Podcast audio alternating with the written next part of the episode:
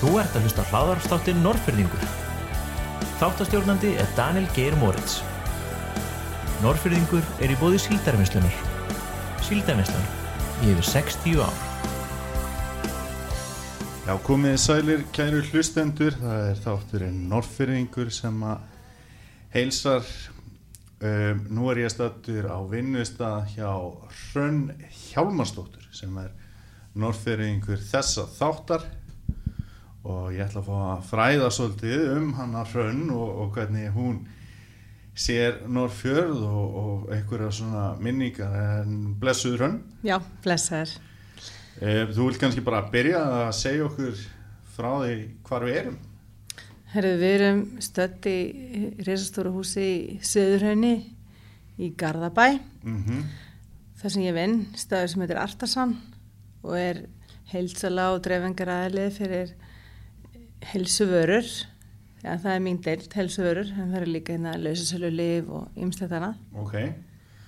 Og eh, hva, hver er svona, hvert er svona eitthvað aðal fag? Þú veist, Af hverju leita fólk til eitthvað hér? Það leitar enginn til okkar, heldur Nei. bara flytjum við inn og dreifum og seljum í apotek, verslanir, það eru, það eru lif hérna Mm og svo lausasölu lif, Mhm. svona eins og Panodil og Voltaren og þess að þar og svo er bara deild sem eh, heitir heilsudeild -hmm. sem selur alls konar vörur sem eru til þess gerðar að bæta heilsuna á náttúrulegan hátt Mhm. eins og vítamín og Mm og ymsar vörur fyrir húð og hár og, og allt sem er svona í, í náttúrulega kantinum. Ok. Og hvernig kom það til að þú fórst að starfa á þessu vettvangi? Já, það var eiginlega einlegur áhuga á, hérna, á bara almennu heilbrið og hvernig við getum haldið okkur heilbriðum, Mm svona líkom og sál án þess að þurfa kannski lif til þess. Það var kannski upphæðað að ég, ég Já. endaði hér. Já, Já. ok. Það var bara áhuga á þessum málum Já. og fara, að fara gröfli því eftir ég kom flutti heim frá Þískalandi mm þá var ég búin að læra heilsumarkþjálfun Já, ok. og, og, og það ger ég svona í kjölfar þessa að ég tók sjálfur mig í gegn Mm orðin all í messi og hérna vildi ekki taka lif þannig að ég leita annarlega Já. og það er bara maturinn og Mhm. reyfingin sem Já. að gera það og maður sá það sjálfur sér og sér það alltaf betur og betur hvað þessi hluti skipta í rauninni miklu máli Mm fyrir heilsun okkar. Þannig að ef það á einhver tíma við að segja að tilgangurinn helgi meðaliða þá er kannski starfsvettungurinn þinn. Já, já, maður segja það. Þannig. Já, eiginlega. Herði, gaman að því. Uh, Þú ert uppalinn á Norrferði og mér langar eiginlega svona að byrja því að spyrja þig hvenær þú mann svona fyrst eftir? Hvað, hvað þú ert að brasa eða hvað þú ert gömul eða hverja? Já, svona, já við förum alveg það langt aftur sko. sko þegar ég fór að hugsa þetta þá, það er svo fyndi, maður hugsa kannski sjaldan út í emmi þessu hluti. mm -hmm. Hvað er það fyrsta sem að mann eftir sér? Einmitt Og það var svona smá stund, maður komst alltaf aðeins aftar, en svo man ég sko, mín fyrsta minning sem að, sem, sem situr í mér, það er á leikskólanum. Já Leikskólanum, sólvöllum, mm -hmm. og ég hef örglega verið fimm ára. En ástæðan fyrir að ég, ég man eftir þessu atviki er svo að hérna, ég var rekin á leikskólanum. Já, hvað gerður að þér? Herðu, ég, hérna, ég var alltaf brjáluð þegar ég var sett á leikskólan, Ok öskrað og grenjaði og mm. hjælt mér í hliðið og, Já. og þetta var svona, voru freka þreytandi rugla fyrir fóröldra mína og, og ég man svo sem ekki eftir því Mhm. en það sem gerist einn daginn er að pappa ætlar að vippa mér yfir hliðið mm og, hérna, og ég gríp í það og byrja náttúrulega að grenja og öskra. Og þá kom Matti, hún var fóstra Matti og Ormstöðum -hmm. og rak mig. Já, bara sagði, mætti bara fara heim. Já. við hefði ekkert að gera við svona krakka.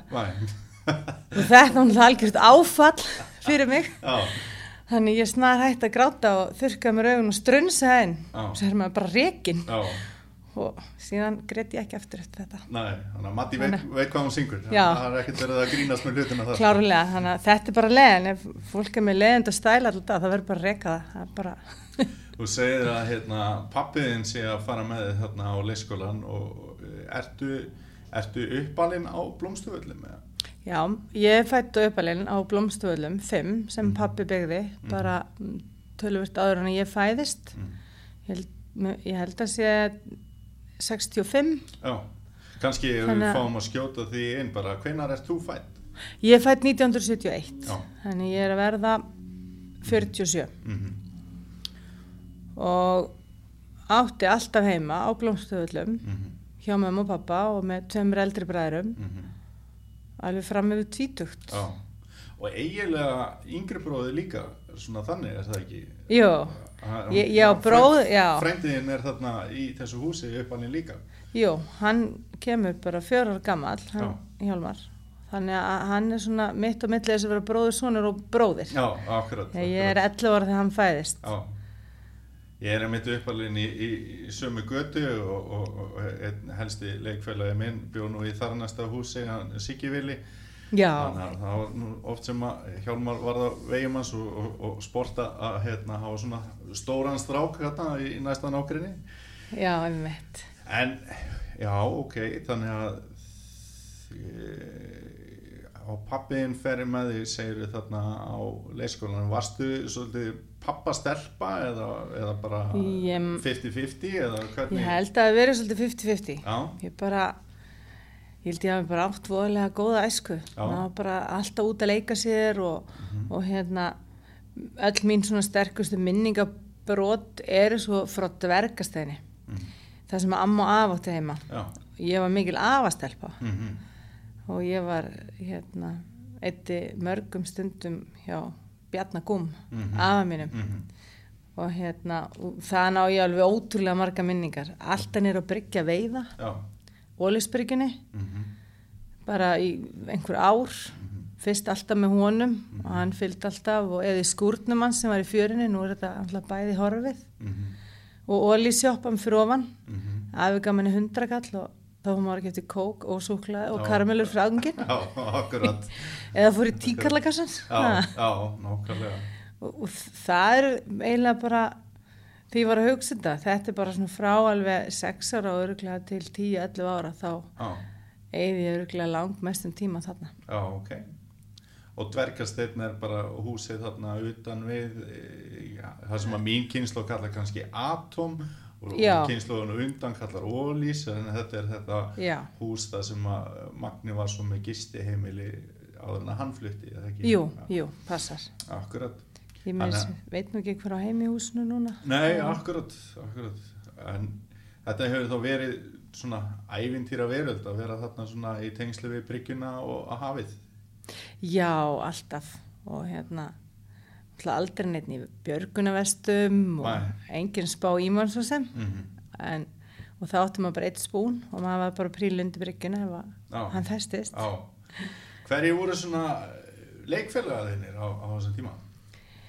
Sko ég man eiginlega voru að líti eftir Mhm. hverja ég leik við þarna. Já. Ég man eins og það að ofnir á bryggju, þá var Sigurjón Batter með Mhm. mér. Hann átti heima hann fyrir ofan, hjá afa. Já, Og við vorum voru oft saman á bryggju.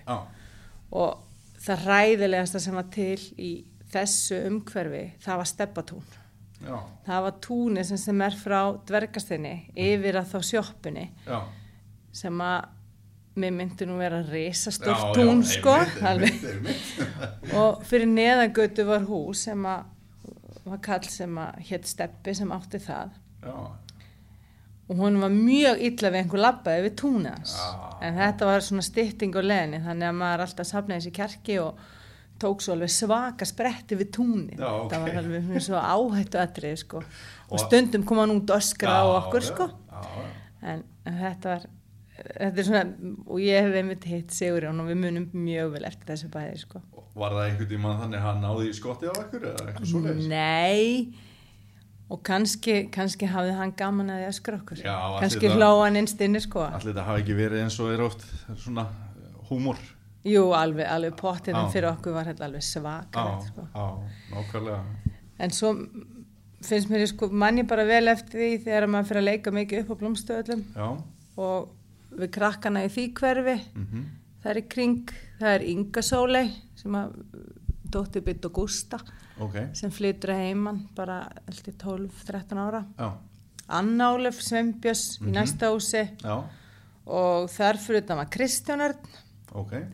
og ég leik nú sem þetta Kristján Örn frá því ég var svona þryggjara Mm og laug að sitta. Já. og var hérna fyrir neðan. Mm og já, þetta eru svona þeir helstu sem við vorum og leikum bara þarna í hverfinu alveg þar til við eruðum úlingar Já. það var bara verið úti að njóstna stundulent við slag við Já. og Já, ok. Og hvað, hérna, hvaða svona leikir voru svona fyrir utan að njóstna, það er svona váka og að spennandi að njóstna þessum aldrei, sko. gera að Gera at og eitthvað svona. Ég er ég er að þe þeirri kynslu að, að hérna, það komu, þegar ég er kannski svona 13-14 ára, þá komu þessi nýju myndliklar hjá stöð 2 þá sem sagt gengur fjastringarnar á myndliklum annara líka. Þannig að þá maður stundum að leika sér að skiptum stöðvar og eitthvað svoleiðis fjör sko. en hvað er hérna veist, ef, ef bara, hver er svona dæmigerður dagur Eh, manstu það? Þú að Ég, við, vorum, við vorum, fórum rosalega oft út á handboltavöll sem hétt þessi malbyggaði liðin á malar einmitt. Það var alltaf handboltavöllur þó enginn aði handbolt þar heldur sko. einmitt. Þannig þar vorum við voru mikið í fótbolta mm og við notum fjalli svolítið mikið bara aðalatri náttúrulega að fá nú nesti sko. Já. komast svo kannski upp á hjallan til þess að geta bara nesti. Já, einmitt. Eh, og bara niður í fjöru það var Mhm. bara fjallið á fjaran og það eru kannski svona sterkustu minningarna bara Mhm. allt þetta frelsi Já, lækur við húsið sem var hægt að byggja já. stíplur í og, mm og boltaleikir já, það var náttúrulega flottasta leiktaki bæjarins fyrr og síðar var á símastörnum gamla fyrir neðan húsið okkar það var Sveiflan já, já, það eru margir sem undir henni. Ok Getur þú líst, líst í? það var sko þessum gömlu sveru hérna, Mm símastöru. Já. stóða neðri kantinum beint fyrir ofan tungugilið. Ok, og það var Hjarfa bróður minn og, og vinnir hans sem að fengu sér stiga Mm. og bundu reypi bara eins hátt og þeir gátu á stöyrin ok.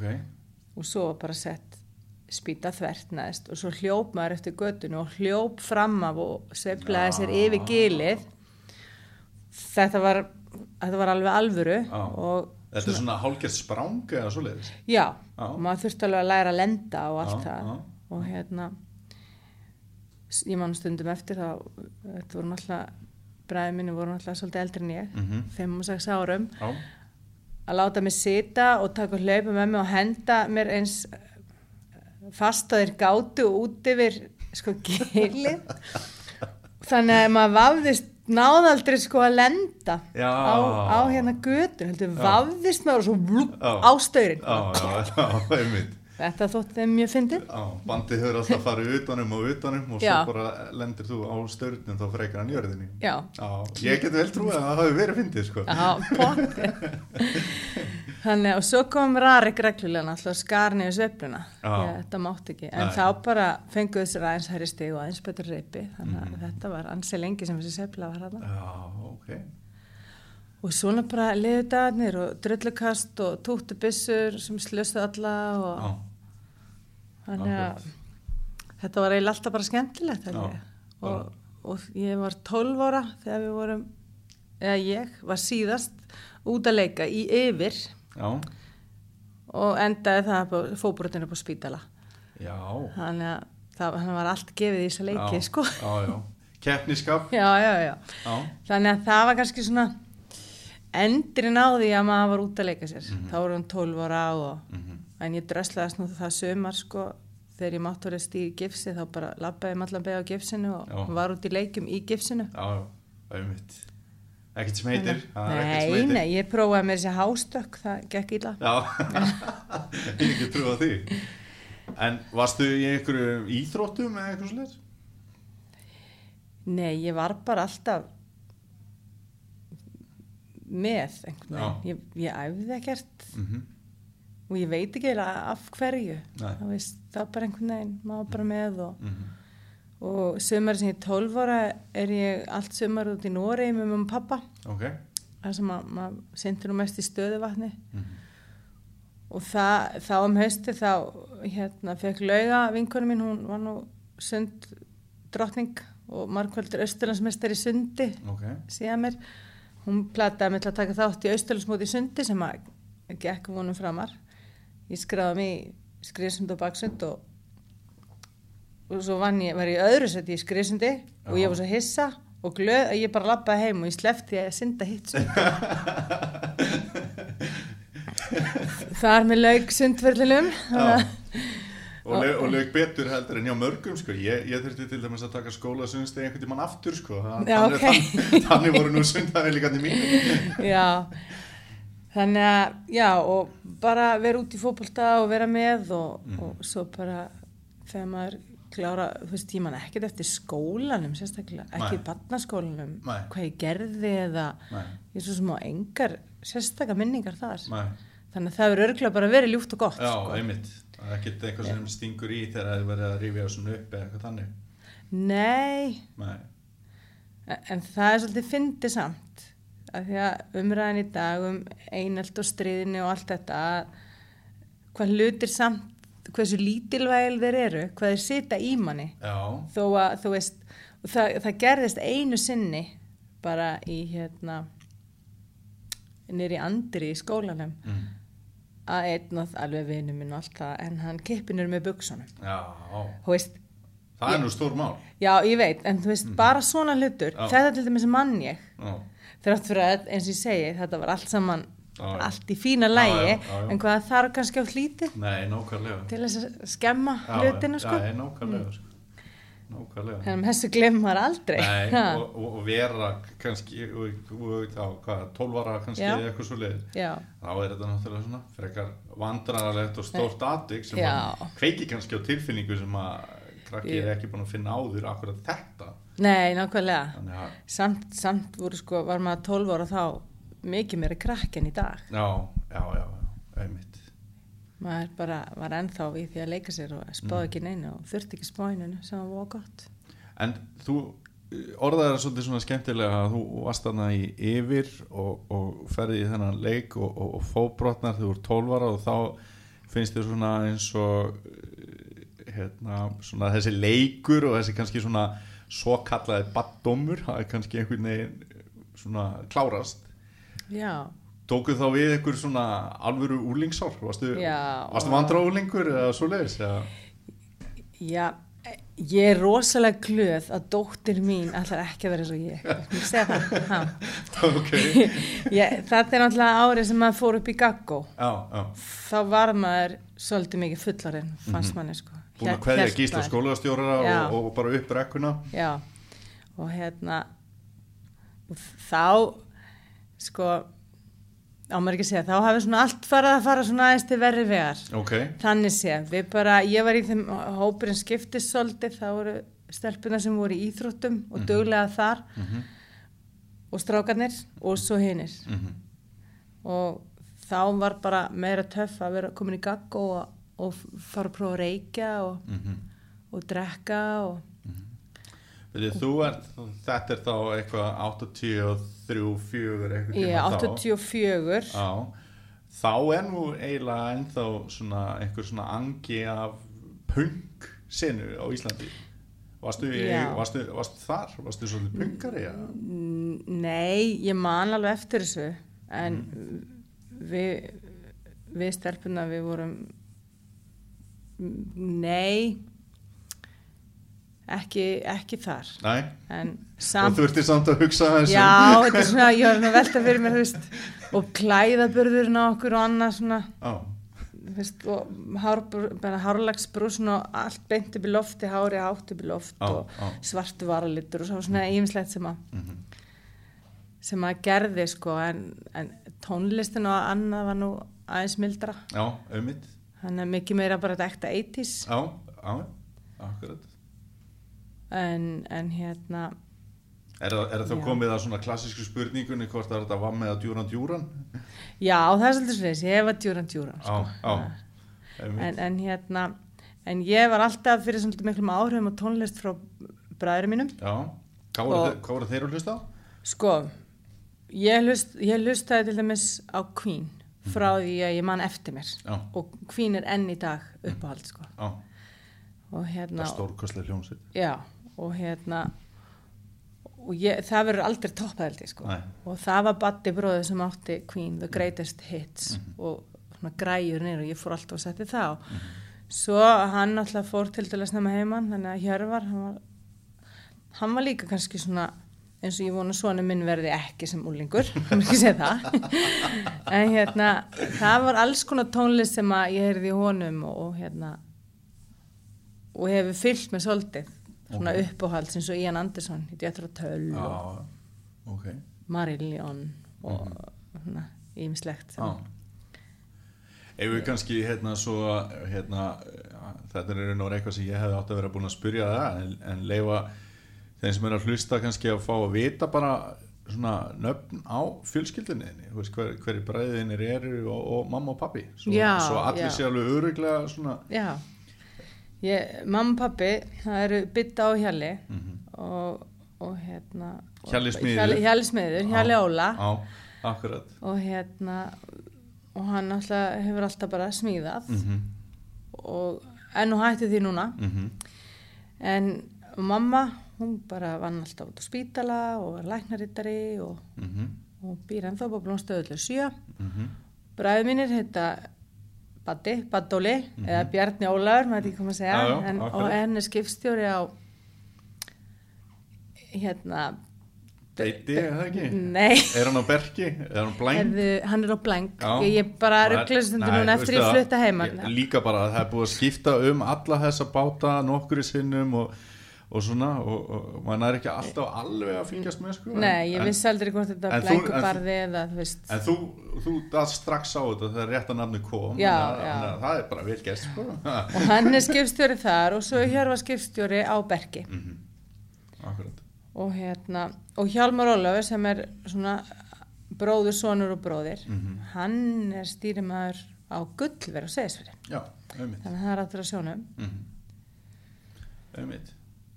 Ok, hérna þannig að það koma svona þessi úlingsár, ta- tók þetta svona tók, tók þetta svona stuttan tíma? Nei, ansi langan. Nei, ég er að meina að, að byrja, þú veist, bara frá, ef við getum sett þetta í einhverju svona samlíkingunni, bara frá því að tíkói fór og, og, og svona aðrar augrandi greiðslur og reykingar tóku við, var það svo stuttu tími sem að leiða þar á milli?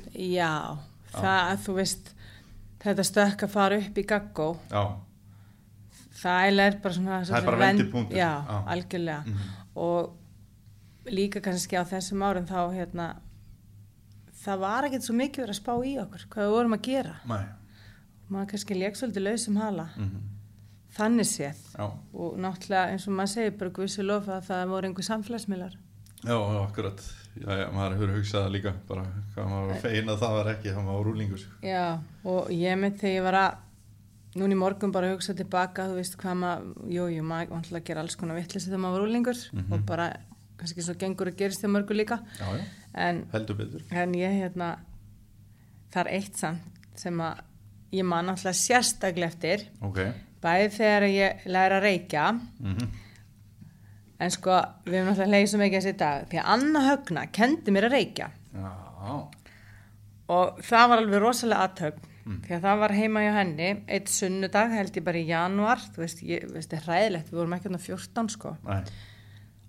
Að hérna þá kendu mér að reykja hérna mórsíkarettur, svona langar brúnar. Já, og hvernig ég átt að anda onni mig. Já, og með þessu gaf hún mér æriskoffi já, þannig maður sko á 14 ári já, einmitt Þetta hefur bara verið svona einhvern veginn Já, Ha. og kannski, já, já, þetta myndi náttúrulega ekki gerast í dag. Nei, nei. En, en þar lærði ég að reykja mórsíkartur og fóð mér æris, sko, bara á miðum sunnudegi einu. Þannig að- Var þetta eitthvað sem að þið fannst strax bara svona komst upp á bræðið eða var þetta ógæslegt Þetta var Já. og þetta var lengi, ég man það enn í dag hvað þetta var ógeðslegt og það var alveg svolítið erfitt að byrja að reykja. Já. Alltaf að kaupa einhverjar sigardur og vera nýri í skúr, nýri í fjöru með einhverjum að, að reyna að reykja. Veist, þetta, var, var ógeðslegt. Já. En þetta tóst Já, samt og maður bara fór að reykja og enginn, þú veist, svo setna þegar maður var að drekka það náttúrulega, það var bara absolutt vodka. Já. Það var ekkert annað. Nei, nei Bjórin er ekki alveg mættur á svæðið Ekki og bjór svoleiðis? og engin vínmenning til, sko. Nei. Þannig að hérna, og svo ég held að við höfum verið 15 ára þegar að Anna var einu svona ein heima Mm. en Gísli heitinn, pappi hennar, hann hérna átti brugggræður, Já, já kjallaranum og hún hefði hann loft fylst með framkvæmdum þar. Já, og hún, við bara skruppum heim eitt morgunin í fríminútum og hún fór að syndi mér og setti alla græðunar í gang þegar þau voru ekki heima. Og við byggum til landa. Já. Þannig að hún hefur þér svona landafræði já, hún, hún kendi mér svolítið í því. Já. en það var nú svona eina skipti sem að maður Já.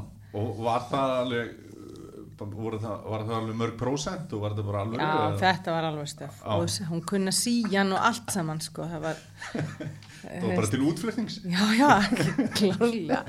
Ef maður hefði nátt vita því sko. En nei, þannig að já, já, maður gerði ýmislegt á þessum árum og, og svo bara þannig í rauninni einhvernir og allt. Það svona fór hægt og sígandi niður á við úlingsárin mm bara því að maður var einhvern veginn já, bara lendi, ekkert lendi maður fór þessa leið og fór inn í þennan hóp og, og hérna.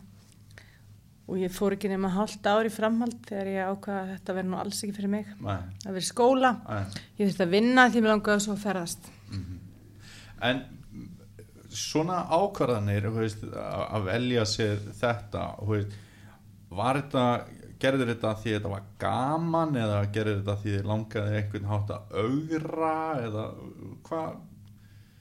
Veistu eitthvað hvað býr þannig baki?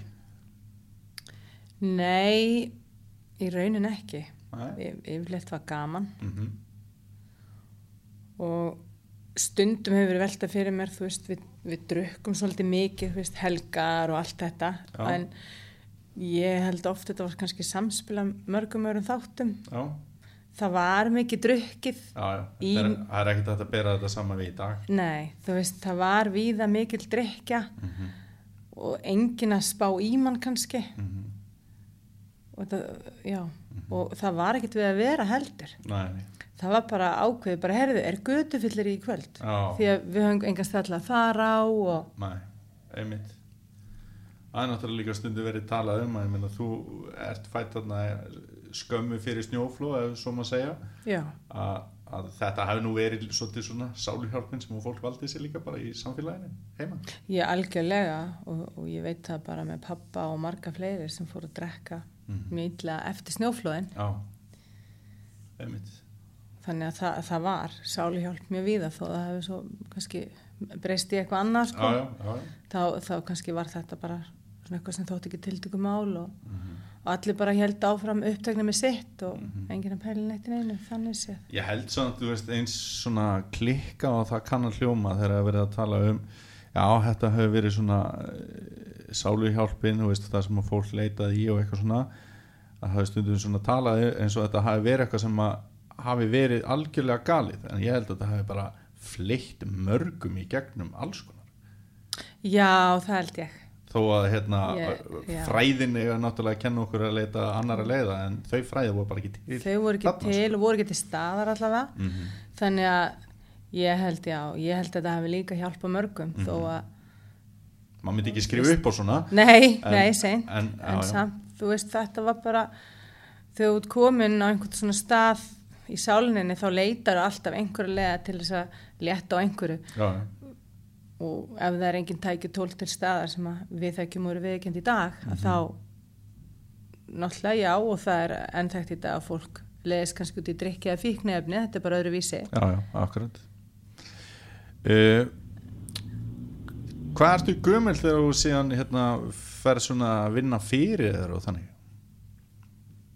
sko, Hvað sem að er Ég- hérna, já, vinna fyrir það hljóma kannski svona eins og sért á komið með bara húsbíl og íbúð og eitthvað Já. svona sko, en, en bara þannig að þú eigi svona þinn pening sjálf og þarf svolítið að fara svona standa þína plikt eins og Já. er ha, Ég hérna með fjekk mig góða reynslu sko strax frá 11 ára aldri þá fór maður að snapa sér inn á síldaplani. já, Ég var, ég var 11 eða 12 mhm, þegar maður fór inn á mána að fá að ræði tunnunar hjá kellingunum já, já, og fá smá pening fyrir það. ok Og svo 14 ára fer ég bara allan daginn í fristihúsi á sömurinn já, sem að manni, þú veist, maður var mjög peningagráður og fannst stundum mjög erfitt að vera inni allt sömurið. já, En maður mátti þó vinna Já. eins og maður vildi. já Og svo þegar ég er, ég er, já, ég klára níundabæk sem er tíundu núna og svo halvan vetur og vildi þá ekki vera lengur í skóla og þá var mér bara tilkynnt það að ég þurfti þá bara að vinna og borga heim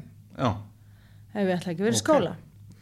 Og ég gerði það og það var náttúrulega bara fristihúsið já og Hvern- þá á hvernig var- 17. ári. hvernig var að fá bara svoleiðis hérna, skilabóð Ég, maður var semst að drepast úr stolti, maður bara í allt í læg, þá bara ger ég það. og alltaf, þú veist, og hef alltaf verið rosalega duglega að vinna, já, þannig að hérna, og um þetta, svo er mér búið að vinna í ólísjöppinni mhm, og þar vinn ég einn vetur og, og ég var alltaf samt með þess að mér langa alltaf svo að fara eitthvað, já, ferðast og já. þannig að sko s- uh, sem ég er 17 ára, mhm, þá um vorið þá réði mig á Norrinu já, og hérna og það er áður en hún fyrir að sigla til Íslands sem sagt Já, í ok. apríl. Og þá það var alveg er- Ertu þá að meina að hún sildi bara ekki til Íslands á þeim árum? á, þá byrjaði hún bara alltaf í byrjun júni Já, en var í öðrum siglingum sagt þar fyrir utan. Já, og þá var hún að sigla með svona eldri, þíska eldri borgara. Já, túrar inn í Eistrasalt og Já. eitthvað svo leis Já. og hérna og ég fekk vinnu þar Mm. sem bara þerna í þrifum og en þetta var allt saman fínt og ljúft fólk og Mm. þetta var svakalt æfintri mhm, sildum og kringum Írland og Já. inn Eistrasalt fórum til Póllands, fórum til Ríka sem er Já. Lettland núna og aha. fleiri staðir Svíþjóð Og fegstu að fara svolítið til land? Já, við fengum alltaf að fara í land Já, og þegar við vorum í Ríka það er kannski sérstaklega minnist það þegar við strensum í land og, og hérna og við uppgötuðum svo þegar við vorum að koma tilbaka að ég var ekki með vegabrifið mitt.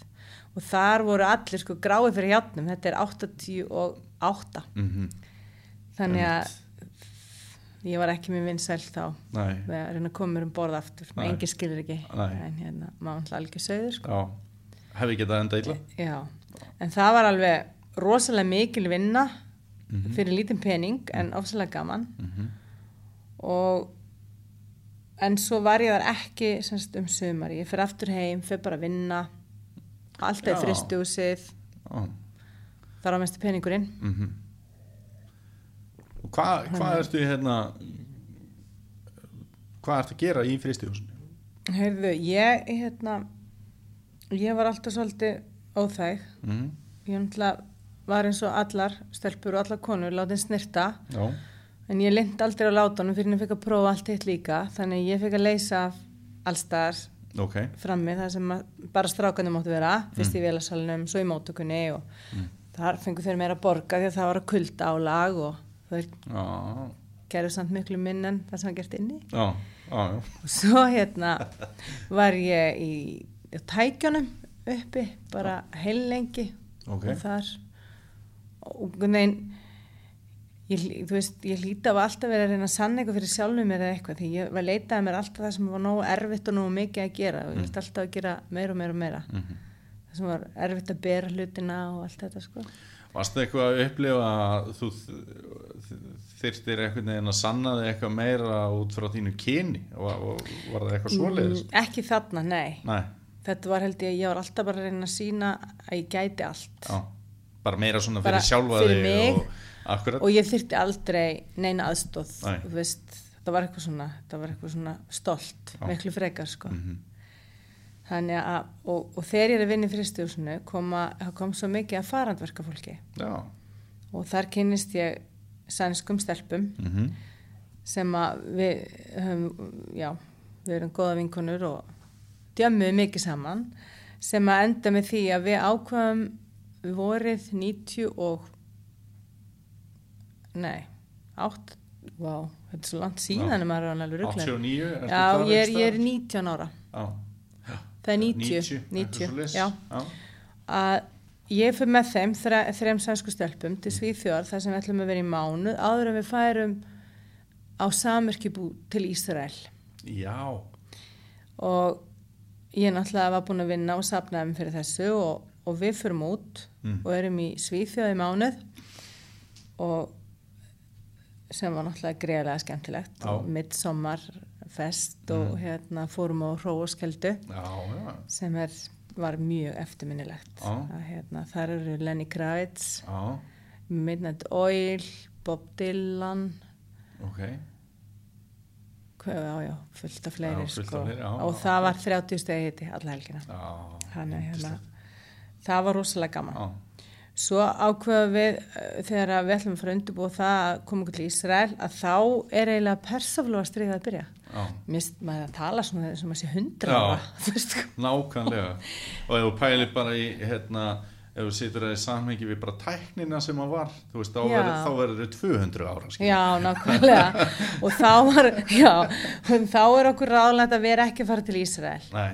Bara því að það var svona og svona óurugt ástandarna og, og, Já. þannig að við ákvaðum að fara í bakbúk að fara lag til Greiklands Ok. og það var samt alveg svolítið merkilt þarna sko 1990 það Já. bara fekk sér bakbúka og maður hugsaði alltaf bara svona í eina átt við Mhm. keftum okkur hopp Já. frá Svíþjóð til Aþenu Mhm. Þá fórum við og fundum okkur gistingu Já. þá fórst ekki að búking sko Nei, nei. fundum okkur gistingi eina nótt Mhm. í gamla bænum í Aþenu og um morgunin löpu, komum okkur nýr á höfn þar sem við völdum okkur eigu Og hvaða eigi völdu? Herri, við völdum Mykonos Ok. og hérna og þegar maður kemur í land þá bara fullt af fólki sem stendur með skilti bara rooms for rent Já. þannig að við pekkum eitt þar en komumst eiginlega að því bara á svona öðrum degi að þetta var helsta homma paradís Evrópu á þessum tíma sem, sem sumardvala staður og við hérna fjóra ljósarar tvítuar alveg bara uh, hvað er í gangi þannig að það var samt alveg gaman en við vorum í fjóra daga þegar við ákvæmum að færa okkur að setja sko. Það er mitt. Og endum á, fórum við til leið sem heitir Paros og þaðan með eiginlega trillu út í, litlaði sem heitir Antiparos þar sem við vorum í 11 daga engu bílar, ein gata eitt disco bara fullkomið sko En, hérna, þú vaktir klárlega forvitni mína og fleiri þegar þú talar um þessa homma paradís þarna. Hm. Hvernig, hérna, hvernig var þetta? Bara, þetta var bara rosalega flott í rauninni sko já, Þa- þarna bara alls konar múnderingar og, og svoleiðis. eða- já en okkur fannst náttúrulega opbúslega mikið að sætum strákum hana Mhm. og Sem voru ekkert að pæla í ykkur? eða hvað? Nei, það var náttúrulega svolítið glata, við, bara, við náðum hvergi aðegli, sko. En það var alveg bara ótrúlega hátt hlutfall af samkynniðum Já. og stórum hluta kallmenn, sko. Já, Þannig að við leðum okkur eitt sinn hérna mótorhjól Mhm. og hérna, og hérna ákvaðum að fara, eða svona vespu til að fara yfir eiguna og finna okkur strönd sem heit Paradise Beach. Og þegar við komum þangað, þú veist, þá voru allir allsberir. Það, þú veist, nú aðeins svo mikið fyrir okkur, sko, þannig að þetta er hérna. Þannig að við bara erum, við skulum fara að skipta um eigi, þetta er ekki alveg okkar. Og endum, endum í rauninni á að fara alveg til Samus og yfir til Tyrklands. Mhm. Þar erum við sexta og, en þá var, svo var það og mikið í hinn áttina, sko Já, við tvítu og ljósarar vorum Já. í Kusadasi í Tyrklandi mm. og við fengum aldrei frið Nei. fyrir sko leiðinda áreitni sko. Það, veistu, eftir sexta þá bara já, var komið nóg Mhm. og það sem meira var að þá í fyrsta skipti þá fattaði maður, heyrðu, ég er eftir að komast til Íslands Já. og maður har aldrei pælt í því Já. bara maður ætti eftir að kaupa sér flug Já. maður kipti sér bara one way og held svo bara áfram þannig að allt í einu maður, óps ég verði að komast einhvern veginn heim Já. Eiginlega hinum einn á hettinum, alveg í Tyrklandi. Og, þannig og hvað og hvað svo? það Hvern- endaði þannig að ég fyrir yfir til Samos og fer þá á ferju ódýrasta meðan upp á dekki í 12 tíma yfir nótt yfir til Aþenu Ok. þar finn ég flug til London Já, já. Ok. býð þar í einn dag, kemst til London um kvöldið Mhm. þar svo að svafa á vellinum í London Mhm. fram á morgun, flug næsta kvöld til Íslands kostaði þetta fullt en þarna voru vísakostin komin Já. rettuðum hann Fylgdi þér svo að- til Halli eftir þessa ferð? Skulda? Nei, Já. nei, nei Ég, búin að sapna líka? Og, Já, og, og alltaf maður var alltaf duglega líka og gekk alltaf í vinnu heima og, Mhm. og hérna og, og þarna þegar ég kem heim í ágúst þá náttúrulega var hugsunin líka já, ég, ég verð að fara í skóla Mm. ég, maður verður alltaf að vera stúdent sko. Já. Og gerður það? og ég gerði það Mhm. og, en samhliða því öllu þá leist ég alltaf af út á sjó Já. þá eiginlega hætti ég að vinna miklu leiti til í landi nema því ég var að ég vann svolítið í eigisbúð Já. sem þjótt hjá Mhm. Palla og Gumma og Mhm. í því öllu en, en hérna þar hófst svona sjómannsferðlinn minn Já. Og á hvað, varstu á trillum eða varstu á skipi eða? ég var, á, ég var á skipi, ég var á barða Mhm. og ég fór, var fyrst hjá Heppa Ben hann var skipstjóri en hérna og ég hafði oft þú veist, ég hafði kannski oft hugsað að það verið ógislega gaman að fara ég vissi alltaf að maður fekk meiri laun út á sjó Já. en það náttúrulega var engin Mhm. það voru bara strákar eða kallar Nei. út á sjó Já. og svo gerist það bara einn daginn ég er í vinnun í fristjósinu að það er beðið um mig í síman Já. og þá er það heppi ben Mm. bara klukkan halv 11 á mótni að aðtöða hvort ég geti komið sem kokkur klukkan 1 Já. og sjálfsögur sagði ég já Já. Einmitt. og þurfti að hlaupa inn á fristjósin í höfn á gúmistígulunum Já. til þess að ná í ná um borð og sjá þeirra kosturum var tekinn Mhm. og hérna vita hvað bara ég átti að elda mikið fyrir 15 kalla En hérna, það er nú ekki alltaf sem að hérna, þú ert þá þarna hvað, rúmlega tvítu, 22, 30, eitthvað svo ég leiðis er bara tvítug Já, tvítug, já. já. Það er nú ekki alltaf sem að hérna, kr- krakkar á þeim aldri eru snillíkar í eldhúsi. Kunnir eitthvað elda? Já, það inn í öllu þessu æfndir þá fór ég söður sem kokkanemi Já, já. Hérna, og, og var á Hótel Ísland og Hótel Borg Já, í ár ok. og svo fyrir austan ég, ég gerði fullt á þessum ára sem ég var ekki í skóla sko. Nei, og alltaf að vinna og, Mhm. og læra að elda Mm þannig að, að ég fekk að fara þarna þennan túr út að sjó -hmm. og, Hvað, heldur að þá 25 daga túr? eða? nei, þá voru þetta bara svona vika tíu dagar, þetta var bara ísfisk einmitt. ísfiskur og kynnti ymsa nýjungar fyrir í eldamennsku fyrir kallana sko. Já, þannig að það, það var rosalega gaman. Já, og hérna en ég sá það fljótt að mig langaði alveg rosalega að fá að fara vera hásati og Þá á, á þessu skipi? já já, bara á barða, þetta er bara Mhm. gamli barði Mhm. ekki elsti en Nei, þetta er semst fyrsti sem að keftu sem Július Gervindsson Mm að hérna Þannig við erum, ég, við erum hérna 91, þannig að ef fólk er að hlusta sem að þekkir eitthvað skipasöguna, þá getur það svona tengt við það. já. Mm og ég rætti þetta oft við heppa en það var bara blátt nei, Mhm. hann skildi aldrei setja kvennfólk á dekk. Nei. en ég hafði það nú gegna endanum. Mm Hjá honum? já, Já, ég var alltaf já, og hérna svo ég segi gerst það einu svona ég var að vinna í landi, ég var að vinna hjá hérna, að þjóna í Egilsbúð í Mhm. veistlu, eitt kvöldið. Og klukkan bara við erum byrjað að þjóna, ég man ekki hvað klukkan er þegar er í, niður í Egilsbúð. Mm. og að er Herbert Benjaminsson. Mm. getur komið út klukkan nýju mm. hásetta, vantar hásetta þá bara allt í einu með einhverjum tveggja tíma fyrirvara. Og ég sjálfsög segi já líka. Mm og fekk lefi til að hlaupa úr stökkur þjónagalanum og redda fötum og komast um borð.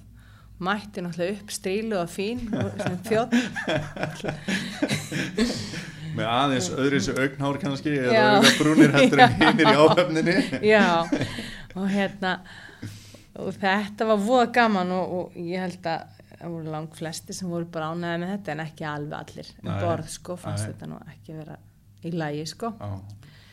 en ég stóð með þér- ágætla Já, ég efast ekki um það. Fa- heldur að það hafi verið að einhvern veginn hafi fundið svona að vera augra sjómans ímyndinni að það væri alltaf innu komin einhver stelpa hana Já, kannski, mér fannst það flestir bara vera, Æmitt, fannst þetta bara gaman. Já, og hérna og eftir þetta að þá fekk ég oft aflýsingatúra mhm, á barða og ég fór sem kokkur á Bergi og Bjarti Já, líka, ok. þú veist, jól og páskar og allt þetta, þá listi ég af. Mhm, og fór svo svo breytast áhafninar mm, það er sagt upp meirilut áhafna, áhafnarinn á barða Mm. og Svenni Ben sem er með Bjart færist yfir. Mhm, og þar með bræðu mínir, þeir voru með Svenna á, á Bjarti. Já, en þá svo kem ég áfram og fyrir að leysa af sem kokkur Mhm. hjá þá nýri áhöfn. Og við fórum í smuguna og eins og fórum við ég fór hluti tvisasunum sána saltfisktúr í smuguna. Já. Ok, það var ansið suppilegt að vera í því. En, en samt. Átti þetta strax Já. vel við þig? að varst að glíma við sjóveiki? Nei, eða- aldrei, Nei? aldrei. Og mér fannst þetta alltaf gaman. Já, og hérna varst einhvern veginn með fast pláss eða varstu svona e, til taks bara? eða- ég var alltaf til taks Já, og þetta hefur verið svolítið langt tímabil. Já, já, þetta er alveg til sko til þetta er all, þessi ár sem að ég er í hérna að stakka stúdendin mhm, þá sömur og, og hérna flest sömurinn, sömurinn og, og fríin mhm, þá leist ég af og svo fer ég erlendis í eitt ár eftir hvernig er það? 93-94 Mm. 94-95 mhm. þá er ég í Mexiko í eitt ár. Já, en þegar ég kom tilbaka Mm. þá er nýbúið að breyta bara það í fristitóra og þá er ég ráðinn sem vinslustjóri. Ok.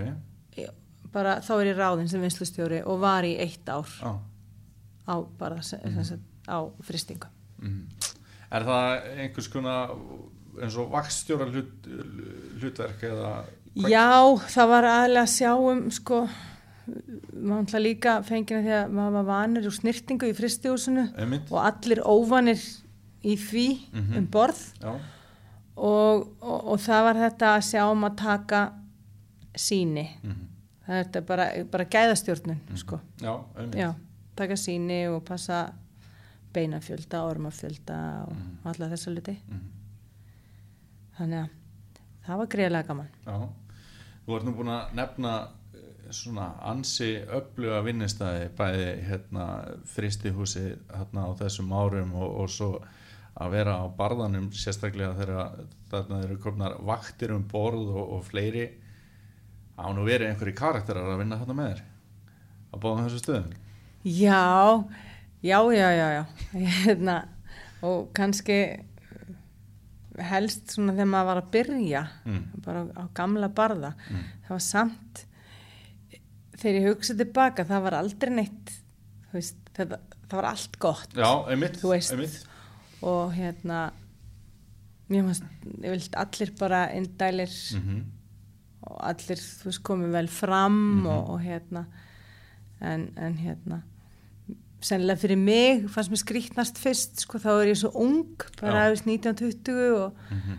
því líki kallar maður sem Já. voru aðna sem voru kannski ekki allir kallar örglega bara yngri en ég í dag sko. En- en já, hérna, akkurat En með svona þessa reynslu sem þú hafðir ekki já, já Þannig að, og það var alltaf það var alltaf búið mikil einhver stormur þarna um borði í barða á þessum árum mm. það var eitthvað svona milli vakta vesen og, og eitthvað sem að maður einhvern veginn kannski sveifi gegnum og var ekkert að spá í. Og voru, það einhver á- áflog eða? Nei, það var svona svona rígur bara eða þannig? einhver rígur og, og hérna og ég man að þeir, það var nú alltaf verið að fara upp á skrifstofu að skammast yfir verðin á fiskinum. Mm en önnur vaktinn flokkaði og hinn neitaði að flokka og æ, þetta var svona allskinn svona bara smá smávægileg kannski atvegg Mhm. en, einhver, en einhver svona spenna já, já, já, algjörlega Já, og já. hérna og eitt sem mætti alltaf drukkin um borð og það rann alltaf á hann fyrsta sólarhingin Mhm. veist, þetta myndi náttúrulega aldrei gerst Nei, í dag nei, nei, nei.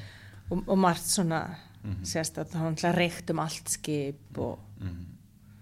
og þá eru menn sem reyktu bara fjóra pakka dag og, og alls ekki svona Já, já. gamli tíminn bara. gamli tíminn, já. Þó að þetta sé nú ekki það langt síðan í sögulega Mm. samhengi. Nei, ekki þannig. Samt er ótrúld fyrir nálgast 30 ár mér finnst það svolítið mikið. Já, en mér finnst það samt svo stutt síðan já, sko. einmitt. En eins og í, í fristihúsinu hver, hverjar voru svona he- hetjurnar þar sko þegar ég er að byrja Mm. þá er náttúrulega eins og amma mm. Lára Mm. hún vann þarna Mm. og hún vann þarna held ég í 30 ár og henni varst alltaf jafn æðislega gaman að mæti vinnuna já það var bara lífið þetta var bara lífið Já. og alltaf glöð, fannst þetta alltaf gaman mm það var amma, það var hérna, Guðni í Bár -hmm. Fanney og Auða hans Hallgríms Mhm. Jóna á Skorrastað Mm Heiða Átna -hmm. uh, Línan Snorra Mhm. náttúrulega Gummi Stalin Mm hann var náttúrulega að tækja hennu niðri uh, og fyrstu fyrstu tvö árin mín þá eru bæði steppi, gamli, steppi taumur afi, steppi freistins mókonu minnar. -hmm. og hann Siggi hvað, hann varð alveg hundra ára ég ma- Siggi, hvað var hann kallaður? Hann var svona, einmitt svona gamall eins og steppi ok. Og þeir bara voru þarna alltaf orðin bara að mann fannst hundrað eitthvað sko. Mm og ég mynd þá, þá kom ég mér í líka að fá að vinna með þeim við að handflaka Já. ég þurfti einhvern veginn alltaf að fá að já, vera einhvers staðar annar staðar en það sem ég var byggðin já, þannig að ég var að vinna við að hérna, handflaka gráluði í, í svona akkorði. Já. það var mjög gaman. Ok. Já. En þetta eru svona kannski er sem að mann helst eftir svona fljótu bræði Mm og náttúrulega hérna, verstjórarnir. -hmm. Malli, Már Lárusson heitinn. Já, og hann var alltaf rosa stressaður lappaði með vindilinn. Já. Og, og hérna og Keli. Mm þeir eru svona þeir fyrstu. Sem að þú mann svona eftir. Já, uh, var upplýður svona góða stemningu eða var, eitthvað svona var eitthvað svona afkomu harðræði eða eitthvað svo leiðis nei, Eða þetta svona- var eða- allt. bara létt og skemmtilegt? Ofsalega létt Já. og, og, og eins og ég segi þú veist fullt af svona mm, hvað maður að segja bara frjálsræði sem að þekkist náttúrulega ekki í dag. Mhm, líka kannski að því að þetta er matvæleginar mhm, þú veist maður er oft leið að því að hérna hárnetin maður puntaði sig alltaf sko og setti hárneti og tók toppin undan og svona til að vera fín sko. Það hérna og ég man eftir þegar var verið að banna þetta það mátti ekki og við rifum og rifum kjaft eins og við sigga í steinsnes hérna, sem var verstur og hann mm þá bara að setja þetta á skeggi og sér líka og okkur fannst það á okkur broti sko. Og, og hérna og það var alltaf hægt að fá að vinna vera eftir á föstu dögum og þrýfa bakka. Mhm, og vastlagur og, mhm, og, og ég man nú stundum að það var einhver vestjóri sem að var nú oft í glasi kannski á föstu dögum og, mhm. en einhvern veginn bara þú veist þetta var bara svona þetta var bara svona Já. það er mitt einhvern veginn ef ykkur eru að hlusta og, og blöskrar það er ekkert að bera þetta saman við það sem er í dag sko. nei, með góður þetta var ekki bara nei, þetta var bara var eðlilegasti hlutur Já, þá einmitt. Og ekkert, ekkert misamt í gangi neitt Nei, ekkert, einmitt, bara Mhm. en þetta var voða skemmtilegu tími, maður var alltaf nóg að vinna og svo náttúrulega djamma um helgar og böllum helgar og maður gæti alltaf vakað og mætti vinnu og Þegar ég heyri einhvern svona mér eldri, nú er, eh, nú er þú 14 árum eldri en ég, já, þegar verið að tala um svona hérna jam á veist, eins og þegar ég er að alast upp, ég minna, jú, jú, það var kannski partí í einstaka heimahúsi og svo var eitthvað um að vera hjá verkmyndaskólanum að halda út í böll og, og það var náttúrulega eins og neistaflug þegar ég er að alast upp sem var náttúrulega ekki hjá þér. Með, og eitthvað svona en eitthvað svona djam og rugl það var eitthvað neginn og að lítið um það. Og þegar eitthvað svona eldri talar um þetta er alltaf í hug stjarnan. Já þar voru þar var farandverka fólk á, og hérna ég kom ekkit rosalega oft í stjörnuna. Mhm. en það var alltaf mikið djama þar og það er mér að segja aðeins fyrir, já, já, undan akkurat, mér sko, það voru akkurat. Svolítið eldri sem að voru í aðal djamunu þar. Nærið í skottið á svona stjörni djaminu samt og, svona rétt aðeins, það, Já. er- það er samt valla nei, að ég muni það þannig nei, sko. nei, við hérna þegar við erum að byrja að djamma þarna 14 ára Mhm. þá náttúrulega sóttu við greiðli að komast við skarð og fóru að balla eski fyrir Já. veð fyrir eigistöð á, og ef við, ef við sjálfsög fengum við ekki leifi við náttúrulega bara stálumst mhm, og hérna þannig að já, á, já. Og það var bara böllin Mhm. maður fór alltaf á böll. Mhm, og svo var ég 15 ára því ég fór í Atlæk Vestlunmanna Helgi. Og bara, þú veist ég, já. Eh, þú veist, eins og hlutinir er í dag þá myndi þetta aldrei gerast. Nei, en það sömar fekk ég að vera heima og mamma og pappi voru fann í frí. Mhm, og Hjörvar var heima. Mm, ekki barnan og bestur sko. Æ, en hérna ég mátti vera heima þegar hann var í landi. Já, þannig að þá er bara græðnar hans fluttar upp á efri hæð og mhm, svo bara sakk fjör. Já, og einmitt allaveg ekki allaveg maður hafði fyrir að tjálta veist það var svo brjála gaman að djama alla helgina já Þannig að- það má kannski segja að maður hérna, gerði fullt af hlutum sem maður hefði kannski ekki átt að gera Mhm. en gerði ekki neinum neitt þannig að þetta er svona gert mann því sem maður Já, já, engin eftir svo náttúrulega eitthvað sko. þetta var bara svona það var bara svona já. en síðan ertu búin að vera þá þarna á, á hérna á barðanum sem þessi vinslustjóri Já, það er í lokin bara. Ég var, Já. ég minnst hásett eða kokkur alltaf, Einmitt. sko. við, við vorum svolítið þar ef, við- ef við hérna, vitnum í eitthvað sem við mætti kalla tímalínu Já. ferður síðan uh, flýtur þið síðan í burtu eftir það eða, Nei, ég fer til Mexiko já, í eitt ár. Einmitt kemur aftur Kem aftur og á er, í, á, og er ár út á barða Mhm. og 97 fer í Norður og Akureyri í hérna háskóla. já, Þá er mitt ákveðið svona aftur að ég er að læra eitthvað. Já. þú veist. Ég bara var einhvern veginn svo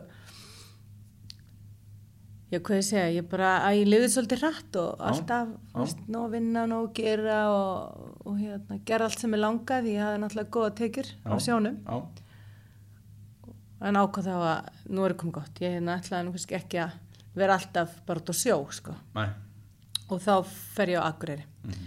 og er þar, ég fer í rekstarfræði, byrjaði í sjárhaldsfræði, Mhm. skipti yfir í rekstarfræði og klára þar 2000, mhm, flytti Reykjavíkur. Mhm, og ég er í Reykjavík í, í þrjú ár. mhm, Bara uh, fekk vinn eftir skóla, ég byrja í hagkaup sem starfsmannstjóri mhm. og flytti svo nýr í höfstuðar Böks ok, sem átti hagkaup. Akkurat. Og er að vinna þar á þróunasviði Böks mhm, undir manni sem heitir Jón Skeving Torstensson Mhm. sem er alveg bara var alveg frábært. Ok, en, en það eru kannski á sem maður lifði líka bara þú veist hátt og hratt og, og þú veist ég var náttúrulega var ein og, og vann mikið og, og hérna ég kefti mér íbúðin er á Bergþórugötu og, en svo er bara breytist allt hjá baugi. Mhm, þarna byrjar að breyta strax 2003 og það er lagt niður löð niður þessi deild sem ég er í og okkur var öllum sagt upp. Ok. Og þá tóði eitthvað í mig að koma aftur austur. Já, og hérna og það er alltaf sko alveg saman hvað ástæða maður missi vinnuna ef maður missir hann það er alltaf pínu dömp sko. Já, já, maður upplifið það svolítið þannig. Akkurat. Þannig ég fyrir austur og, og ég ákveða að kaupa húsið en að gillu gömlu en á urðateg mm kannast aðeins við hanna hún Já. er náttúrulega langamma mín. Já, að- einmitt. Já, já, og kaupi það og fer að vinna bara ég, og ég hugsaði alveg sem tímabundið svona í einhverju ráðgjöf hjá kaupþingi veist, í, síma. Já, og en hugsaði alveg bara veist, mér finnst þetta ekki skemmtileg vinna. Að hérna, ég var alltaf bara að býða eftir því að eitthvað eitthvað kæmi eða eitthvað deitt upp í hendur mér. Svolítið eh, svona döft já, og bara setja sér síman og, og þarna þetta er þessum tíma sem að Sigur Einarsson fær 50 miljón krónu bónus og, mhm, og allir voru að tapa og æ, þú veist og það Já. ringdi allir náttúrulega í, í ráðgjafana og Já. allir vitlu sér og, já, og hérna ja, alltaf var ég alltaf að leita einhverju öðru sko.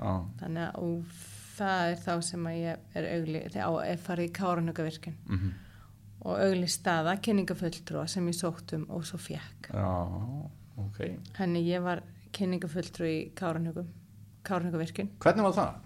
Það var alveg ótrúlega skemmtileg Já. tími. Alveg bara algjört ævintýri. Já, og hérna og hann kannski svolítið fyndi því að því ég er ráðinn að þá var voru lítil starfslýsing því að þetta var nýtt starf. Mm, að það var náttúrulega alltaf til kynningafulltrúi og fjölmjölafulltrúi hérna í Reykjavík. Já, en einhver til að sjá um allt fyrir austan og hvernig það yrði eða það vissi engin eða umfangið á hvorki ferðamennsku svæðin eða neitt. Mhm, þannig að það var reynd svolítið blind í sjóin mhm, og það fyrsta sem ég gerir er að setja upp síningu sem var í Vekarði í Fljótsdal já um framkvæmdirnar og kynna með framkvæmdirnar. Og að kallaði fjegarður á þessum tíma? Það kom Já. svo mikið fje í, fljótstæli Já, einmitt, einmitt.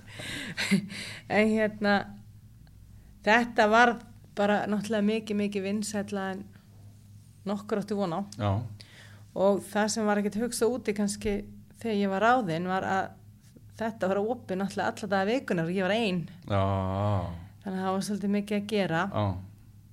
Fram á, fram á haust. Mhm, og ég held að annars sömari hafi komið 15.000 manns í vekarð já, þannig að það náttúrulega var ráðið fólk í að vera þar líka.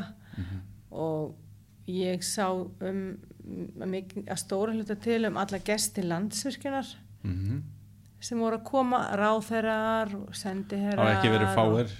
Það voru ekki fáir. Æ, og suma tók ég bara var ég með í eppa og fór ein um allt svæðið fór ítrykka um allt svæðið. Ég var, ég var kannski eina fáum sem gætt sagt frá á öllum stöðunum. Já, ég þekkt, þú veist, og þessar tölur og starðir og, og ég gætt alltaf sagt Mhm. frá alls þar og ég fór með, með alls konar fólk, alls konar gesti þannig að þú ert í raun og veru bara svona gæt ég var svolítið gætt já, sá sem vegarð Mhm. og gerð á skiltum, upplýsingaskiltum. Mhm, og svo náttúrulega var bara óendanlegu fjöldi af rútum mhm. sem að fór og hópum sem fengur í rauninni skipula skipulagningu á ferð um Já. svæði Ég- og ég skipulaði fyrir aðra sko.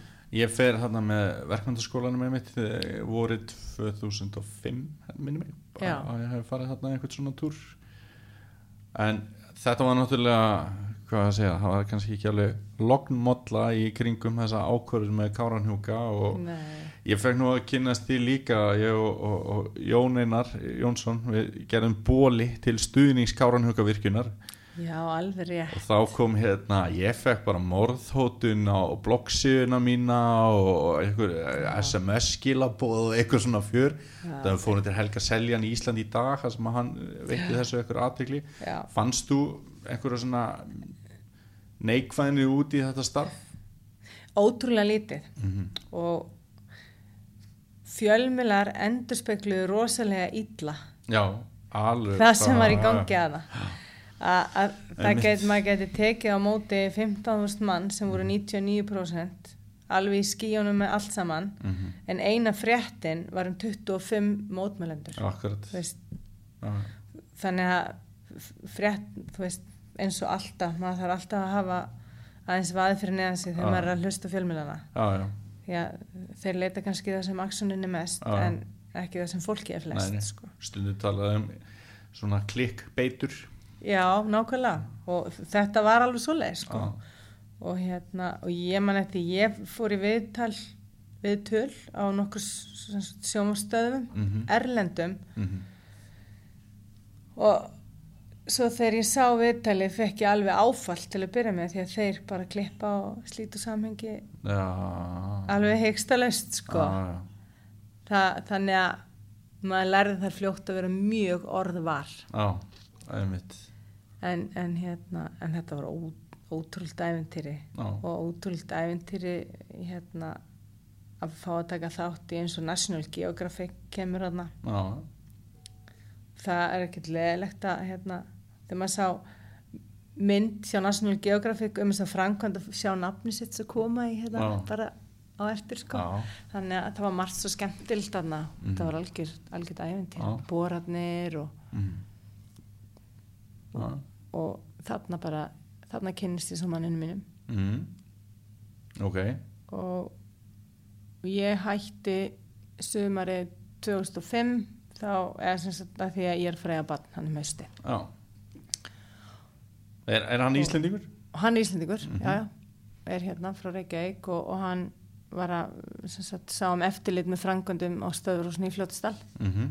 ok, og va- vann hjá fyrirtæki sem að heiti Lamair International og er þýst Ok. ver, verk, eða, sérst, já, er alveg risa fyrirtæki í Mhm. Þýskalandi sem er í alls konar verkefnum um allan heim Já. í rauninni og, og hann hafi verið áður í hérna í virkunum hérna fyrir sunnan já, en hafi búið í Þýskaland áður líka já og, og semst átti fjölskyldu áður en Mhm. Og það hans grunnur uh, og þískan og allt það Mhm. gerir það að verkum að hérna honum er búið starf Mhm. uh, hjá fyrirtæki sem heitir Enex ok, og var hérna Enex var á Íslandi þeir byggðu meðal annars virkun í El Salvador og í Kína Mhm. og ætluðu að, að hérna fara á stað með framkvæmdir í Þýskalandi. Já, og fá sem sagt manni minn til þess að koma á stað dóttu fyrirtæki NX í Þýskalandi. Ok. Og við ákvaðum bara voru 2007 að flytja út Mhm. með stelpun okkar eins og hálsás Daldi góður tímapunktur að fara frá Íslandi. Herðu með ólíkindum. Því að hérna það, það sniðu er sko ég átti náttúrulega húsi mitt á Urðateg Mhm. og ákveða að leia það til að byrja með því að maður vissi ekki alveg hvað maður var að fara út í sko. Nei, og ég leiði það í ár. Já. og það sjáum við nú að við við erum nú ílengjast úti. Og, og hérna ég var, er ófrisk aftur og ákveða að selja urðateg já. Og selan í mæ 2008 Mhm. Mhm. bara kortir í hrun Mhm. Þannig að þegar að hruni verður þá er ég skuldlaus Mhm. og út í Þískalandi Mhm. en það þurfti að segja upp öllum hjá fyrirtækinu því að fyrirtæki á Íslandi Já, runni fyrir á hausinn já, en hérna það eru aðilar úti sem að kaupa Mhm. ennast þar og Gunni starfa þar svo áfram já og við vorum úti í sjö ár sko. Já, já, eru svona rosalega lengi í Þýskalandi Já, Hvar, hvar er Þýskalandi? Þetta er rétt fyrir sunnan munn hér Ok, átjáðastmann bær sem heitir Wolfratshausen. Ok. Og þú er eiginlega bara drauma staðsetning Já, bara við horfum á Alpana og gluggan þetta eru svona 80 km frá Garmisch-Partenkirchen það sem að olimpíuleikarnir hafa verið haldnir. Ok. Og Voruð þið þá svolítið á skýðum og svona þarna? Ekki annað fyrst, þau Nei. voru svo lítil Já, einmitt. krakkarnir, Já, maður var ekki alveg svo mikil skíðamannska hendist með þau þá sko, nei. En við vorum líka bara rúma fjóra tíma að kera nýra gardavatni á sumrin. Já, já, þannig já þetta verið bara frábæri bara æðislegt að vera og, og ónættilega og sérstaklega núna sakna maður veðusins alveg ótrúlega. Já. En svo komið hérna svo við hérna ljúkum svona þessari yfirferð síðan er ég með smá svona spurningar á því eða allavega eina spurningu svona til að nýta endan hútin á þessu góða spjalli. Síðan komið þið heim þá eftir þessa sjöðara döl Já, og það er þá hvað 2015 eða 14 nei, 2014, við komum hann áramótin 2013-14 Já. Og hvað hefur þá á dag eitthvað drifið síðan. 2013, Já, við erum búin í fimm ár, já. já, Við kaupum okkur húsnaði í Hafnafyrði mhm, og það var svona, ég vildi ekki fara til Reykjavíkur, næ, það var úr mikið Já. og, en vinnan er náttúrulega hérna á höfuborgarsvæðinu mhm, og, og hérna og komandi úr miðri Evrópu þar sem að eldursklukkin er næstu því voni næsta sko þá fannst okkur náttúrulega æðislegt að vera hérna í jæðrinum við erum eiginlega á keilisvellinum á kvalara velli já, já, golfvellinum, mhm, horfum við faksaflóan Mhm. og hérna þannig að við ákváðum kaupum okkur hús þar. Sveit í borg, já, já, má alveg segja. Mhm, og, og hérna og ég var fyrsta ári bara að vinna sem svona helsumark þjálfi mhm. sem ég lærði út í Þískalandi Hva, hvað er það? Ég, ég svona, veit nokkur neginn hvað það er en ég er samt að spyrja bara Já. alveg bláðið sko. Það er náttúrulega til alls konar nám í kringum það. Mhm. Ég fór í nám sem er kent í New York en allt í, í fjarnámi. Mhm. Maður fer gögn og app og alls konar hluti og tekur próf og allt í gegnum netið Ok, sem er svona holistic health coaching. Þetta er svona heildræn nálgun á, á heilsu. semst að spila saman þetta með hérna andlega þætti og líkamlega þú veist það er ekki bara sem þú borðar mhm, heldur allt hitt sem skiptir svo miklu máli. Mhm, það er þín líðan og andlega líðan. Mhm, og hérna að læra kannski að hafa hlutinni svolítið jafnvægi. Já, þegar, að, þegar við ætlum að reyna að komast á betri stað já, með okkur sjálf hvort sem það er líkamlega andlega. Mhm, og þannig að maður læri svolítið bara svona hlustunatækni mhm, og að reyna að hjálpa fólki að því að yfirleitt hafa flesti laustinar þetta er spurning oft um að geta framkvæmt og, og vilja gera. Já, og svo læri maður alltaf heil mikið um hvernig matur og mataræði getur breytt bara lífi fólks. Einmitt, alveg stórkostlega. Já. þannig að ég, Þetta er hl- hljóma skemmtilega. já Þú verður þá vantilega að- að að hjálpa bara einhverju sem þú þekkir jafnvel ekki neitt. já, já og ég gerði það Mhm. og það sem er erfitt í þessu eins og mörg öðru það er að, að hérna ætla að fá einhvern pening fyrir vinnuna sína Já, því að vinnan sjálf er svo í rauninni í höndum já, já, já. við, viðkomandi Já, aðila það getur enginn hægt að bora sigur fyrir Nei, þig nei, eða einmitt. gert eitthvað fyrir Nei. þig maður þarf eiginlega að reyna að hjálpa fólki og vísa í veginn áfram Mhm. Þetta er ekki að flagga fisk. þetta er ekki flagafisk, nei. Nei. Nei.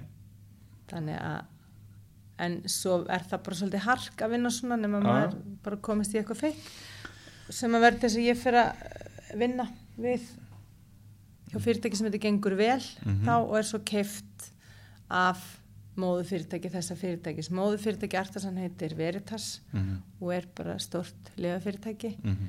sem að á Artasan það á metor með lækningavörur, distikavöruhús Mhm. vistorum með lif, þetta, veist, þetta er svo stórt Mhm. þó ég sé í pínlítið einingu sem er voða gott Mhm. og ég bara er að gera það sem að mér finnst ótrúlega skemmtilegt Mhm. Frábært.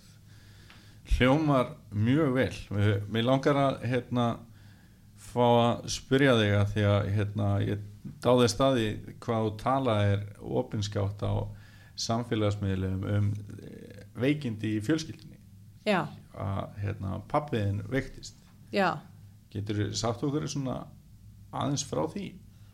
Já hann hérna, kannski erfitt að segja í stuttum máli en, en já hann sko, máli er að það eiginlega hjá hann fyrir tilviljun svona gúlpur á ósæð ok, hann var ekki reynin að kenna sér meins heldur kemur þetta í ljós í myndatöku eftir langverandi kvef að það er hann einhver gúlpur sem Já. er farið að skoða og það er ákveðið að það þurfa að taka hann eftir náttúrulega bara eins og gúlpar eru ykkur tíma sprengja sko. Já, og það sem gerist er að og að vita fyrir frá með þetta er sem sagt frekar stór hjartaði gerð og það ert alveg að opna hann og allt það en svo bara eh, verður aðgerinn erfiðari en ætlað var. Já, gúlpurinn á vondum stað og nálátt hálsa það verður blæðing sem að hleypur að stað svona hröngli ok, sem fer upp í heila aha, og veldur svona litlum hvað kallið er þetta? Það verður svona litli blettöði blettir sem sagt blóðþurðar blettir í heilanum. Ok, en þetta vissum við svo sem aldrei strax því að hann bara vaknaði ekki aftur sko. Og hérna og það var kannski það er kannski það sem var erfiðast af öllu. Það var þessi tími frá þeim þeirri aðgerina mhm, og svo var maður alltaf að býða eftir að hann vaknaði. Já, og hann á einu mánuði þá er hann eiginlega tvisvar að fara að deyja. Já, því að hann er ekki vakna, hann sýnir ekki viðbrögð og, mæ, og hérna og enginn vissi hvað var. Mhm, og hérna þannig að maður tók hann að náttúrulega rússipanna eins og gerist þegar einhver er bara að fara að deyja. Já, já, eðlilega, og hérna en svo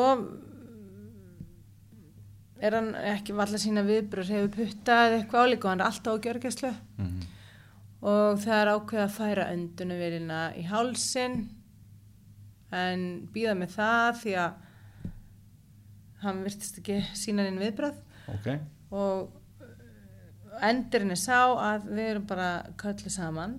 Mm. því að eftir mánuð þá er bara ekkert gerast. Mæ, og hann er aldrei sínt nein viðbröð er enn á gjörgæslu. Og, og það var alltaf líka vita frá upphafi. Ég, ég, að því þetta er hjá ljóla og ég ef einhver lustar þá voru norðfringar að hérna sko það var alltaf alveg á tæru hans hálfu ef eitthvað kemur fyrir hann hefur hann endað í svona stöðu að hann vildi fá að fara. Já, aldrei að láta halda sér og hérna mhm, ef við nota hans orð að þá s- sagði hann alltaf hérna bara láta ykkur að vita því ef að ég enda eins og hérna ég man nú ekki akkurat orðin kannski mm Mhm. ekki hjólustól og get ekki talað ekki neitt þá má skjóta mig. Mhm, en það eru hans orð, ég veit náttúrulega að ætla enginn skjóta hann sko. Mhm, en þannig að það var alltaf hreinu að hann vildi bara láta það taka allt sambandi. Mhm. og þá einmitt er Þetta bara jaksl vill ekkert verið í einhverju svona stöðu. já og hann aldrei og hann alltaf alltaf ofvirkur sko. Akkurat. en einhvern veginn búin að lendi í svo ótrúlustu hlutum og Já. alltaf stendur hann upp kallinn sko. Já, og þá er bara hann fjölskyldufundur og, og við máttum svo fara inn til hans þegar er búið að taka öndunavélina mhm. Og er þetta bara kveðjufundur í já, já, Já. og við förum allan inn og eiginlega bara til þess að hefði já Bara svona eftir að ekki var, já, við fórum bara inn til þess Já. að kveðja hann Já. og hérna sjá hann án þess að vera í bara vélinni, sko Já, og hérna og maður var orðin pínu svona dofin aðna sko, þetta var búið að ganga svo mikið á. Mhm. Og í langan tíma? í langan tíma og þannig að maður var svona en jú, jú, þetta er rosa erfitt og Mhm, svo hérna bara um þannig förum við öll og, og hvaðjum og svo um kvöldi erum við heimi á mér, ég og mamma þegar að bróðið minn kemur. Og svona eftir á ekki þá náttúrulega er það eiginlega pínfindið mhm, því að hann kemur og hann er bara svona svolítið fölur í framann, hann vil fá að tala við okkur. Og maður bara, já, já, þú veist hvað nú, hvað nú, nú er þetta komið, þú veist. Þá hafði hann farið upp á spítala. Því Má ég skjóti í Já. hvort bróðin? því, Hjörvar. Já, því að hérna, hann og Sóli dóttir hans Mhm. höfðu farið því að Hjörvar var þurft að fara austur Mhm, og hann ákvaða að skreppa upp á spítala mhm, að kveðja hann. Mhm, því að það var farið í gegnum það með okkur hann fær upp á legudeild. Mhm.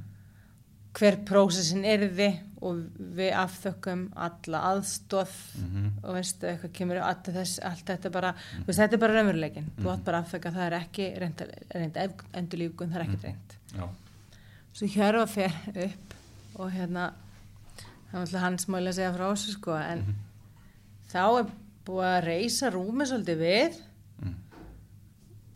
og pappi var með opin augun horfir á hann og svarar mig já og nei og hérna ég veist að þegar hann alltaf fengur hálfgett áfall. Já, og, en hann gerði ekki meira en það sko. Það en hann var ekki að deyja þarna sko, hann Nei. var að vakna. Já. þannig að Einmitt. eftir að við kvöttum hann og bara maður fór að velta fyrir sér næstu vikum að, þá bromna nögun og fór að reyna að tala. Já, en þetta, hann mun aldrei verða aftur Hjalli Óla á uh, sko, verstaðin aftur. Nei, en hann er löngu komin fram úr öllu sem allir lækna sig. Þetta það er náttúrulega- marg búið að segja okkur að það mun ekki gerast meira en þetta eða meira en þetta Já, en hann er núna farin að hann talar orða fyrir bragði og, Mhm. og hann verist hann tapaði alveg sambandi svona við vinstri helmingin ok. sem hefur aðeins verið að koma þannig að hérna en þetta hefur verið ótrúlega lönglega en samt ekki orðin nema einhverju nýju mánuðir kannski. Og hann er 77 ára, það má ekki gleyma því. Nei. hann er fullarinn Mhm. en hann er þrjóskar en allt Já. held ég. Og hann er búin að sko hann er alltaf hleyið að umgja pappa þegar hann gerir eitthvað því að hann er búin að detta út úr rúminu hann er búin að detta út úr hjólastólum því hann er alltaf að fara stað. Já, hann bara jæja. Og hann Já. bara man ekki og, hann, og svo hlæðir hann bara. Já, já, hann með sig ekki neitt og bara finnst þetta freka fyndi sko. þannig að hérna það er nú staðan. Og, en hann er búin að koma öllum óvart eins og ég segi Já. og er enn í einhver framför. Minnið er að koma tilbaka. Mm það er eina skrýtna að hann man ekki eftir húsin sem hann byggði á Blómstöðlum Nei, en vann hann, vann hann eftir húsinu við hliðinu? nei, Nei. Bara svona- þessara húsa nei það er einhvern veginn svona gloppur. Já, en hann, hann man samt orðið fullt annað og Mhm. þekkir alla og, og er alveg er alltaf glaður já, og kannski svona í, í þessu öllu kannski er það svolítið gott hann muni ekki eftir hann smíði hann saknaði þess allavega ekki Æ. þannig að hann er glaður sko. já, já. Já, ég fatt alveg hvað varst að minna með því.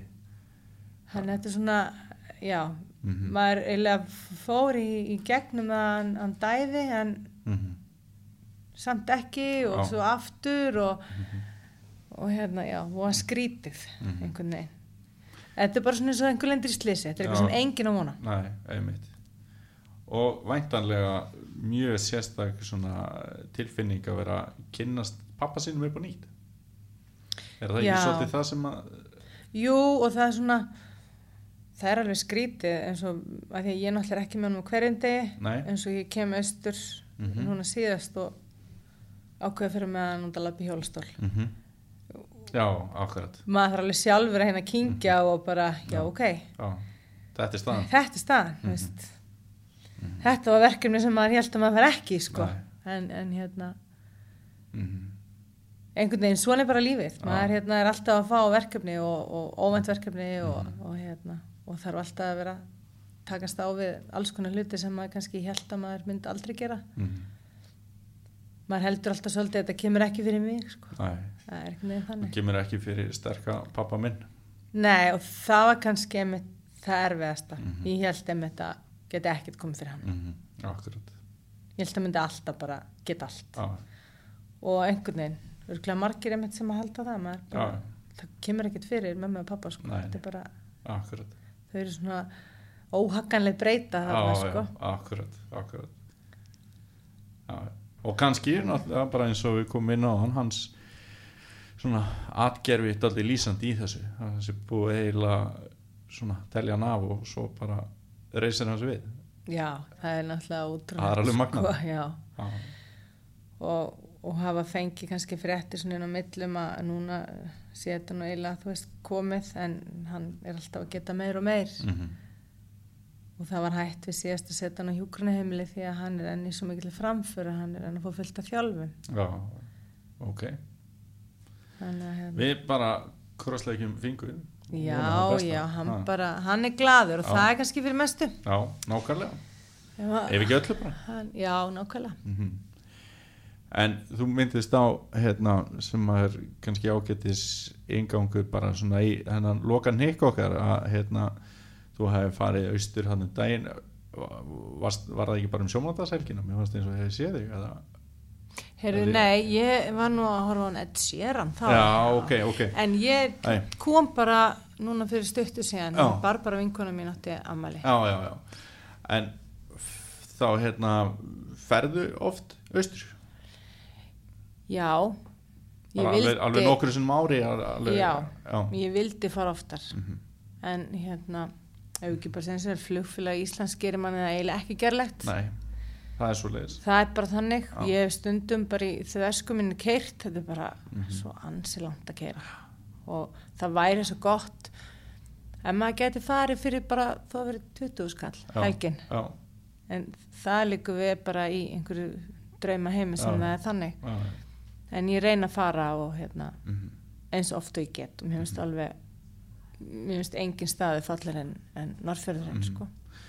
Þá er það eiginlega svona eh, síðasta sem maður mig langar að spyrja það er svona hvað er það sem þið finnst vera svona ef það er eitthvað ákveð þú, það má vera viðbyrður eða það má vera eitthvað í náttúrunni eða það má vera eitthvað hús eða, eða eitthvað svona endurminning sem að kemur, þú veist, hvað er það sem að færði til að hugsa sem svona brottflutir norðfyrringur bara ég, ég, er svolítið komin heim eða þetta finnst mér vera svona þetta er norðfyrir minn svolítið stór spurning kannski Já, og það mátt alveg segja fleiri en eitt ef það er eitthvað sem þetta er í hug það er náttúrulega eitt er að vera nýra næstu gutu mm. sjá hellisverðamúlan Mhm. og rauðbjörgin Mhm. og finna lyktina frá hafi mm -hmm. Það ég gæti ekki verið meira sammálaður þetta er bara Ha, það þegar sver rau- þetta þegar rauð að- þá er ég að menna sérstaklega með rauðbjörgin Rauðbjörgin, já. þegar þau hérna, taka við bara, það gerist eitthvað innra með mann Já, ég, ég veit ekkert og stundum hef ég komið austur og það er gott verið og ég er að reyna að senda alltaf snappi og ég einhvern veginn þetta skila sér ekki það sem ég er að reyna að mynda sko, það er ekki hægt. Nei, þannig og svo náttúrulega eigum við bústað í hellisfyrði já, það er náttúrulega líka bara algjör paradís Já. að fara þanga, það Já. sem er engin vegur ekkert ramagn mm og það er, það er hverki betra að vera en Nei. þar, bara náttúrin, náttúran og kyrðin já.